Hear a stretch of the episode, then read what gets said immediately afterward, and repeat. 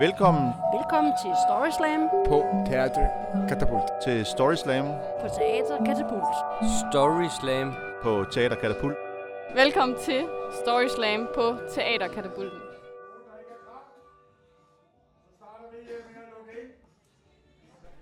Det er blevet koldt. Altså sådan for alvor koldt. Ligesom man troede, at sommeren havde et lille comeback her i starten af oktober, så indtraf efteråret for alvor med maner i form af regn og rusk. Heldigvis kan man gemme sig, ja måske endda putte sig, ind til varmen for højtalerne. Du har nemlig tændt for Katapult Story Slam podcast. Et program, der indeholder varme og interessante fortællinger, der er perfekte til et afbræk i efterårskulden. Luk øjnene, medmindre du selvfølgelig bemander et fartøj af en art, og læn dig så tilbage. For nu sidder du i Aarhus på Teater Katapult og skal høre tre historier fra det virkelige liv. Lige om lidt er det Lena, der skal fortælle en historie om kringlede relationer i udlandet. Men inden da skal vi lige have en sidebemærkning fra aftenens vært, Holger. For uden denne, så går der en lille finurlighed fra Lenas historie tabt. Holgers navn har åbenbart gjort et stort indtryk på Lena. Jeg hedder Holger.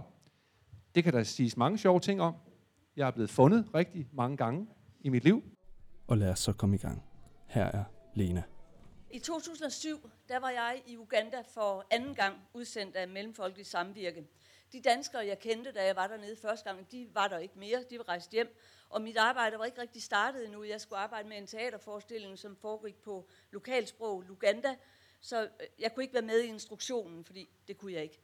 Så øh, jeg, jeg boede i en stor, meget grim lejlighed i Bogolobi Flats, og jeg følte mig faktisk lidt ensom, da jeg kedede mig lidt, og jeg bad nogle gange vor herre om at sende mig lidt selskab. Og det gjorde han så måske en dag. Det var en lørdag. Øh, jeg havde været inde i et indkøbscenter, og øh, da jeg kommer gående over parkeringspladsen hen til min bil, så hører jeg en, der råber til mig, Hej, Madame Lena, jeg kunne straks se, at det var dig. Og jeg vender mig om og ser en høj ugander, ugandisk mand, yngre mand, og jeg kigger på ham og siger, kender vi hinanden? Ja, siger han, det er mig, Holger, kan du ikke? Nej, Holger. Oscar! det har lige gjort, gjort indtryk. det. det er mig, Oscar, siger han så. Kan du ikke kende mig? Og nu kan jeg godt se, at jeg har set ham før. Jeg kan huske, at han var en af de unge mænd, der hang ud på MS's landekontor. Jeg kan pludselig også huske, at han havde inviteret sig selv med til min afskedsfest, sidst jeg var dernede, og at han havde inviteret to-tre veninder med, som vist nok var dem, der stjal min kosmetik. Men lad nu det være. Lad nu det ligge. Der stod han glad og smilende, og jeg havde jo sådan set bedt vor herre om selskab. Og Oscar ville gerne snakke, det var helt tydeligt. Så jeg inviterede på kaffe. Der var en café i nærheden, hvor man faktisk kunne få god kaffe, som er en sjældenhed i Uganda, selvom det er et kaffeproducerende land. Så vi drak kaffe, og Oscar fortalte, at han havde fået bevilget noget uddannelse i Sverige. Han manglede bare lige 100 kroner til at få indløst sit pas, og ja, ja. Så øh, han fik 100 kroner. Og vi udvekslede telefonnummer, og Oscar ringede til mig et par gange i løbet af ugen. Og øh, fredag eftermiddag, der tikkede der en sms ind, hvor der stod, Please come to my birthday party opposite Bugolobi Shell. Jeg vidste godt, hvor Bugolobi Shell var. Jeg boede kun to kilometer derfra. Så det kunne jeg sagtens. Øh, Jeg kunne bare køre derned og parkere min bil der. Det var ikke så farligt. Jeg, var, jeg vidste ikke rigtigt, om jeg havde lyst og tænkte, ja.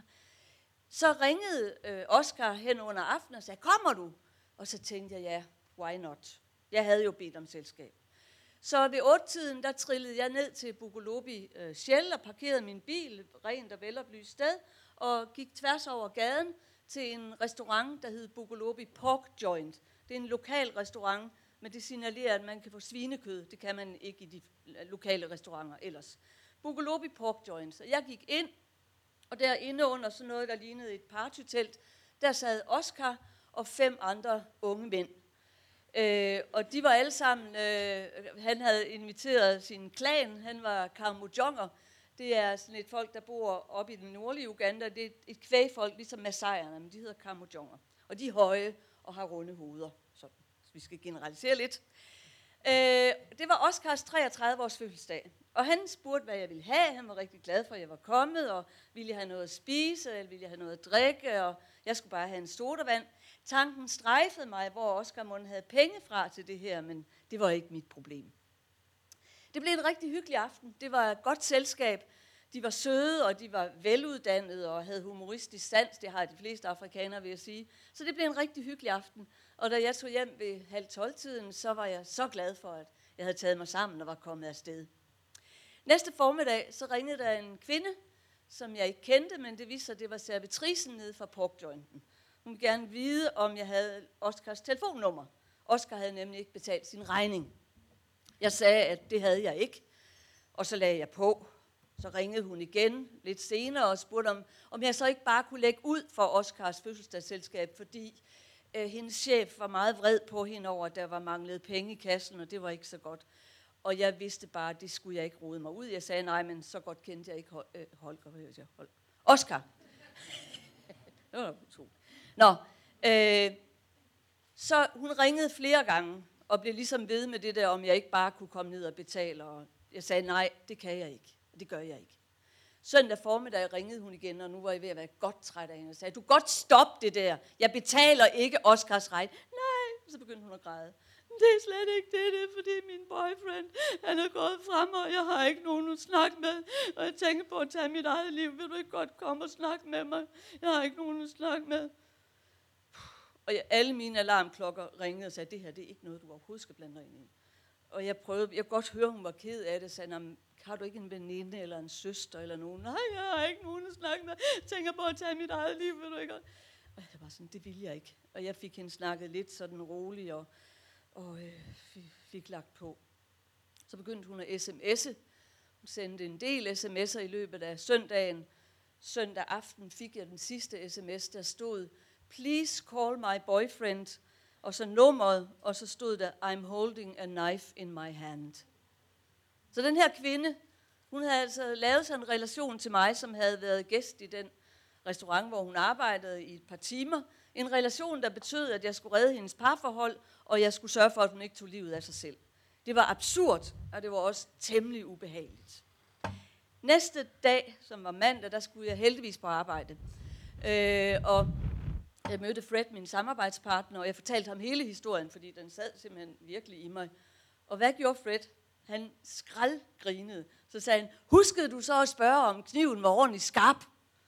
Uganda, de har nogle gange en meget bizarre form for humor. Eller også var det, fordi at han, han vidste, at det var en historie, hun havde bundet mig på ærmet. Jeg ved det ikke.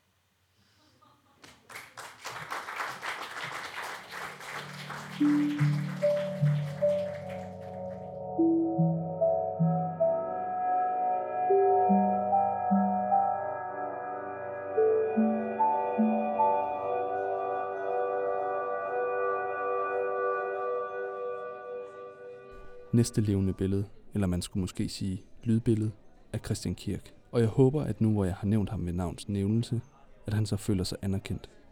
For det kan åbenbart godt være et problem, når man kommer fra ty. Min historie, den øh, handler om øh, anerkendelse. Og øh, jeg tror, det er noget, vi egentlig alle sammen gerne vil have. Øh, og det ville jeg også, da jeg var lille. Øh, jeg er opvokset på en gård oppe i Thy. Og øh, der fandt jeg meget hurtigt ud af, at der var ikke så meget øh, anerkendelse og høst for mig. Jeg var ikke så god med hænderne, øh, og på mange måder egentlig heller ikke med hovedet.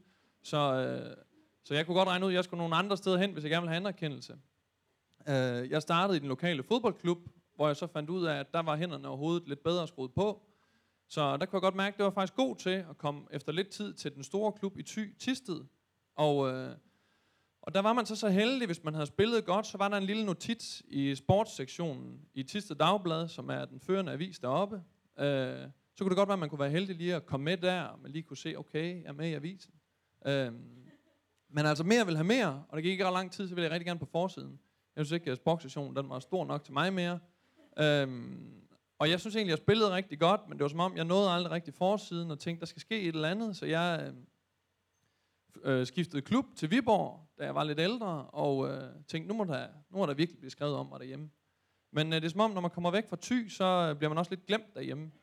Så det var som om, øh, der blev faktisk ikke rigtig overhovedet skrevet om mig længere, øh, og det skuffede mig egentlig lidt. Jeg ville så gerne på den forside. Så det var jeg lidt frustreret over, at jeg tænkte, det nytter ikke noget at komme til en større klub, fordi det er jo den forkerte retning, så, så jeg må finde på et eller andet hjemme i Thy. Og jeg går så i juletiden for nogle år siden, nede på gågaden og går forbi Store Torv, hvor jeg så ser det kæmpe store juletræ, som der er på alle store torv, og får den geniale idé i øh, hovedet, at, øh, at jeg skal have fældet det juletræ her. Øh, nytårsaften, der skal det ske, og jeg synes virkelig, det er en skide god idé selv, og jeg snakker med nogle kammerater og siger, jeg synes ikke bare, det er den fedeste idé. Jo, det er genialt, det skal vi have gjort. Øh, vi får anskaffet os nogle, øh, nogle save, og, øh, og jeg ved godt, at med mine venner, der er nogle af dem, der er medløbertyper, så det er måske ikke helt sikkert, at jeg kan regne med dem alle sammen, men jeg tror på, at der må være nogen, jeg kan regne med i hvert fald. Øh, det bliver nytårsaften, og klokken bliver 9-10 stykker, stykker, og folk de får sådan drukket sig en god skid på. Og jeg siger, hvad med om det var nu, at vi Og ja, helt sikkert, det, det gør vi nu. Øh, så vi går op til juletræet og begynder lige så stille at save. Og der er en ting, jeg har lært derhjemme på gården, og det er, at hvis man skal fælde træ, så skal man lave sådan nogle skråsnit, hvor man saver op fra og nedefra, for man kan ikke bare save lige henover, det går ikke. Så det fortæller altså de andre om, nu skal de høre her, jeg ved lidt om tingene. Vi skal lave skråsnit, hvis det, her, det skal lykkes. Øhm, og det gør vi så, laver skråsnit, og folk kommer gående forbi, og mange spørger sådan, hvad er det, I har gang i? Og vi tænker, at de er vilde med ideen også, og siger, men det, vi, er ved at vælge, vi er ved at fælde juletræet. Øhm, og de går sådan lidt videre. Så er jeg på et tidspunkt ved at save, øh, hvor jeg så inden mellem grenene lige pludselig kan se to politibiler, der bare tyrer hen mod træet og stopper lige foran. To, øh, eller slutter fire politibetjente springer ud og siger, det politiet bliver jer. Og umiddelbart så tænker jeg selvfølgelig, her der skal jeg gøre det rigtige. Vi skal sige, undskyld, det er vi ked af. Vi er bare unge mennesker, og det, vi, stemningen bliver lidt for høj, og, og, og, og det er bare drengestreger. Øh, det er det, jeg har lyst til at gøre. Men alle begynder at løbe, og det er som om min krop gør noget, jeg ikke har lyst til. Den begynder også at løbe. Så jeg spurgte hen ad en sidegade og op med to politibetjente i ryggen, ind i en skov, kaster mig op bag et træ, heldigvis før, at der er nogen af politibetjente, der når at se mig. Så de løber en anden vej, og jeg tænker, jeg klarede frisag. Det her det bliver en god historie i dag. Og det blev det. Øh, og øh, sidder der lidt, og synes egentlig selv, det, det er faktisk lidt sjovt det her. Bliver så ringet op af en af de andre øh, med kompaner, om man vil. Og øh, han siger til mig, øh, han hedder Uffe, han siger, hey øh, Kirk, øh, hvad, øh, hvornår er det, vi skal mødes på Dammøllen? Dammøllen, det er det store diskotek i Tisted. Så sagde han, Uffe, vi har da ikke snakket om noget med, at vi skal mødes på Dammøllen. Hvad, øh, hvad, hvad fanden er der sket? Hvor er du henne? Så, Nej, men jeg står heroppe på Dammøllen, ligesom vi havde aftalt. Så tænkte jeg, det her det lyder lidt som, som om han står med politiet. Så, sagde, så blev jeg lige pludselig lidt bange, og ved ikke helt, hvad jeg skal sige, og vi får så fundet ud af rimelig hurtigt, at der er ikke nogen af os, der rent faktisk står med politiet. Øh, og han bliver rolig, og jeg bliver rolig, og siger, okay, men lad os se, om vi ikke kan følges ad tilbage til lejligheden. Og da vi så kommer hjem, øh, har vi så fundet ud af, at der faktisk er nogen, der har troet, at jeg var blevet taget af politiet. Det kan jeg jo så sige, det er jeg ikke. Jeg rendte fra det, mand. Jeg havde styr på situationen. Øh, øh, men altså, vi bliver hyldet som helte, og det var bare super, super fedt. Så kommer det spændende øjeblik så, 2. januar, hvor Tiste Dagblad kommer ud. Har jeg klaret den her opgave her rigtigt?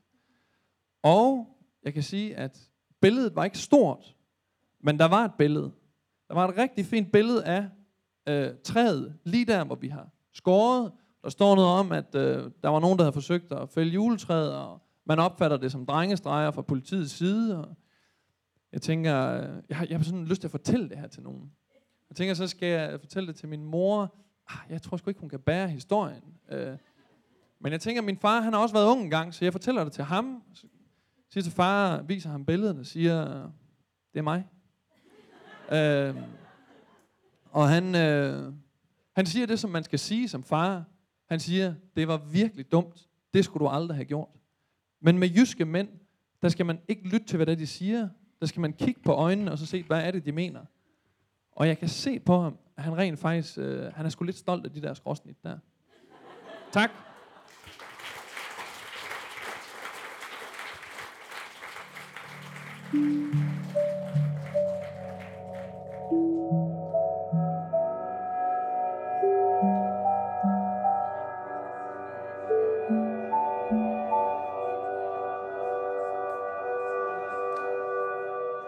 Podcastens sidste fortæller er Søren, der begiver sig ud i en nærmest metafortælling om tid.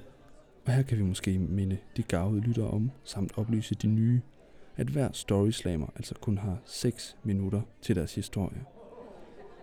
Hvis denne podcast har givet dig blod på tanden til selv at prøve kræfter med Storyslam, så kan det stadig nås. Men det kan du høre mere om senere.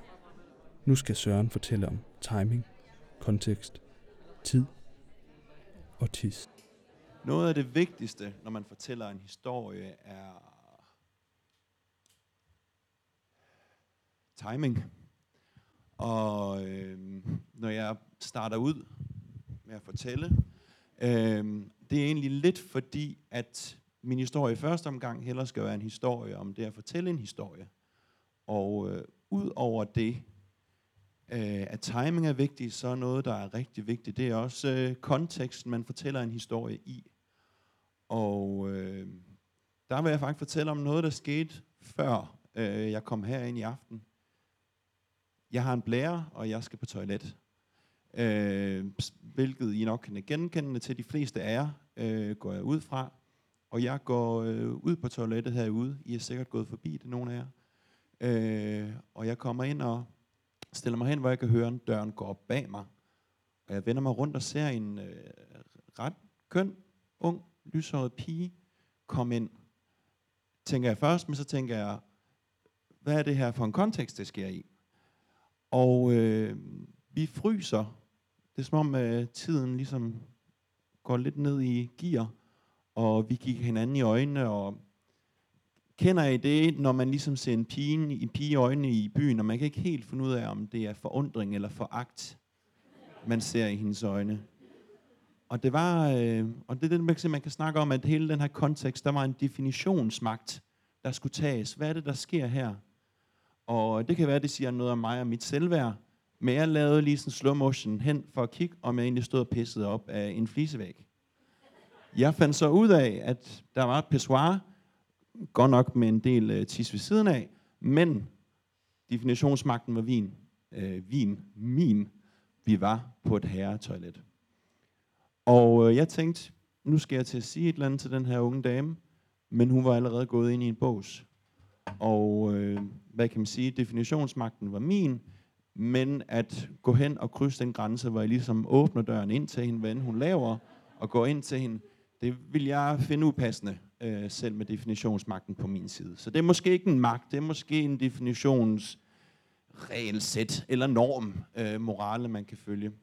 Så, øh, og jeg begyndte jo sådan at tænke, jamen hun kan jo være, der er mange grunde. Øh, jeg ved, der er nogen, der døjer med kronisk blærebetændelse, og som simpelthen ikke øh, kan styre det med, at de skal lade vandet på et tidspunkt. Og jamen, hun havde gjort det så stille og roligt og tænkt, hun skal bare gøre sig færdig.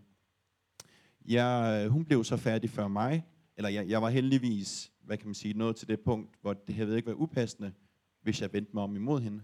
Og hun kom ud, og vi, øh, vi kiggede hinanden i øjnene igen. Men jeg havde et andet blik den her gang, fordi jeg havde tjekket øh, miljøet af for cues, og det var mig. Det var mit toilet. Eller hvad kan man sige, det var det køn, jeg repræsenterede toilet. Og så kunne jeg godt se den der forundring slash foragt i hendes øjne, gik hen og blev mere sådan undskyldende. Og hun sagde, er det herretoilettet? Og jeg kunne sagde så, ja, det er det, der er pissoir. For ikke, ikke, ikke så hundligt, som jeg gjorde nu. Jeg var egentlig meget pædagogisk. Også hun var som sagt en meget køn pige, så jeg sagde, ja, der er pissoir henne. Og så blev hun meget smilende og sådan, jamen så, øh, så, så skynder jeg mig ud, så lader som om det ikke er sket. Hvor jeg sådan lige noget og tænkte sådan, og sige, øh, du må egentlig godt blive her for min skyld. Og så igen konteksten, der kommer ind, fordi hun lavede sådan et, ikke, ikke et løb, mere sådan et, et hastigt exit ud af døren. Øh, og hvad kan man sige, det kunne have været en historie for sig selv, hvis jeg havde mødt hende under en anden kontekst. En anden situation, sagt de samme ting, havde samme, sagt, sagt, haft de samme øjeblikke, men øh, sådan er det. Men det var egentlig ikke den historie, jeg ville fortælle. Øh, men jeg kunne bare ikke helt lade være med at, at slippe den. Øh, jeg vil egentlig fortælle om, at jeg har været på udveksling i Belgien for en par år tilbage. Og det med Belgien, det er, at øh, de har billig øl, og de har stærkere øl. Det er sådan noget 10 procent. Og øh, jeg boede på et ungdomshostel. Øh, nu jeg siger hostel, så var det måske mere sådan et mærkeligt kollektiv øh, af forskellige udvekslingsstuderende, der svinede og ikke passede så godt på sig selv. Øh, og det lå lidt ude for byen, hvor vi gik ind og drak duvel og, og de forskellige specialøl, der var. Jeg havde ikke fået en cykel endnu. Øh, og jeg havde hørt, at politiet i Belgien var ret øh, intense. De var hårde.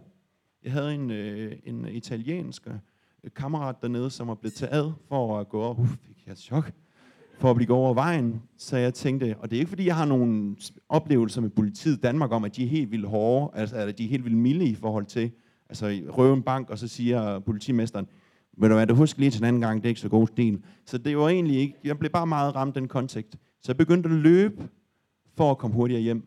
Sker så det, at øh, jeg tisser i bukserne 10, øh, 10 meter ude fra min dør.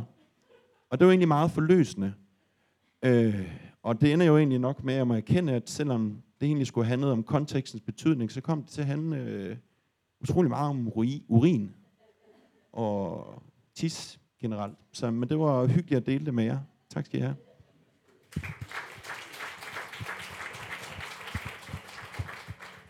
Hvis du vil have levende historier, så køb et årskort til Teater Katapult. For 500 kroner kan du se hele 10 livsbekræftende forestillinger helt gratis. Og samtidig får du rabat på en lang række andre forestillinger og arrangementer på Teater Katapult i hele sæson 15-16. Vi er nået til vejs ende, men fortvivl ej, hvis det er første gang, du har Katapult Story Slam i ørerne. For der ligger faktisk fire afsnit mere på iTunes, så man hurtigt kan smutte ind og hente ned.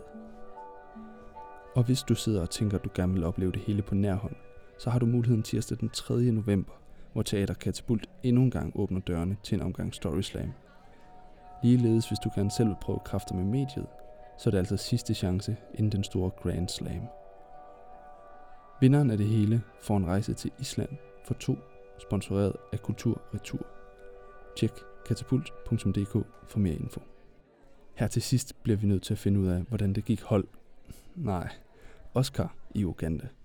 Så vi spurgte Lena, om han nogensinde kom til Sverige. Og hvad med den ulykkelige servitrice? Se, det ved jeg simpelthen ikke. Jeg, jeg tror aldrig, han kom til Sverige. Men det kan man godt komme ud for i, i Afrika, at de siger, åh, jeg skal lige bruge penge til det og det, og så er det måske ikke det alligevel. Det ved vi. Jeg, jeg, jeg hørte aldrig fra ham igen. Og heller aldrig fra den ulykkelige servitrice, så måske begik hun selvmord, jeg ved det ikke. Ej, det tror jeg ikke.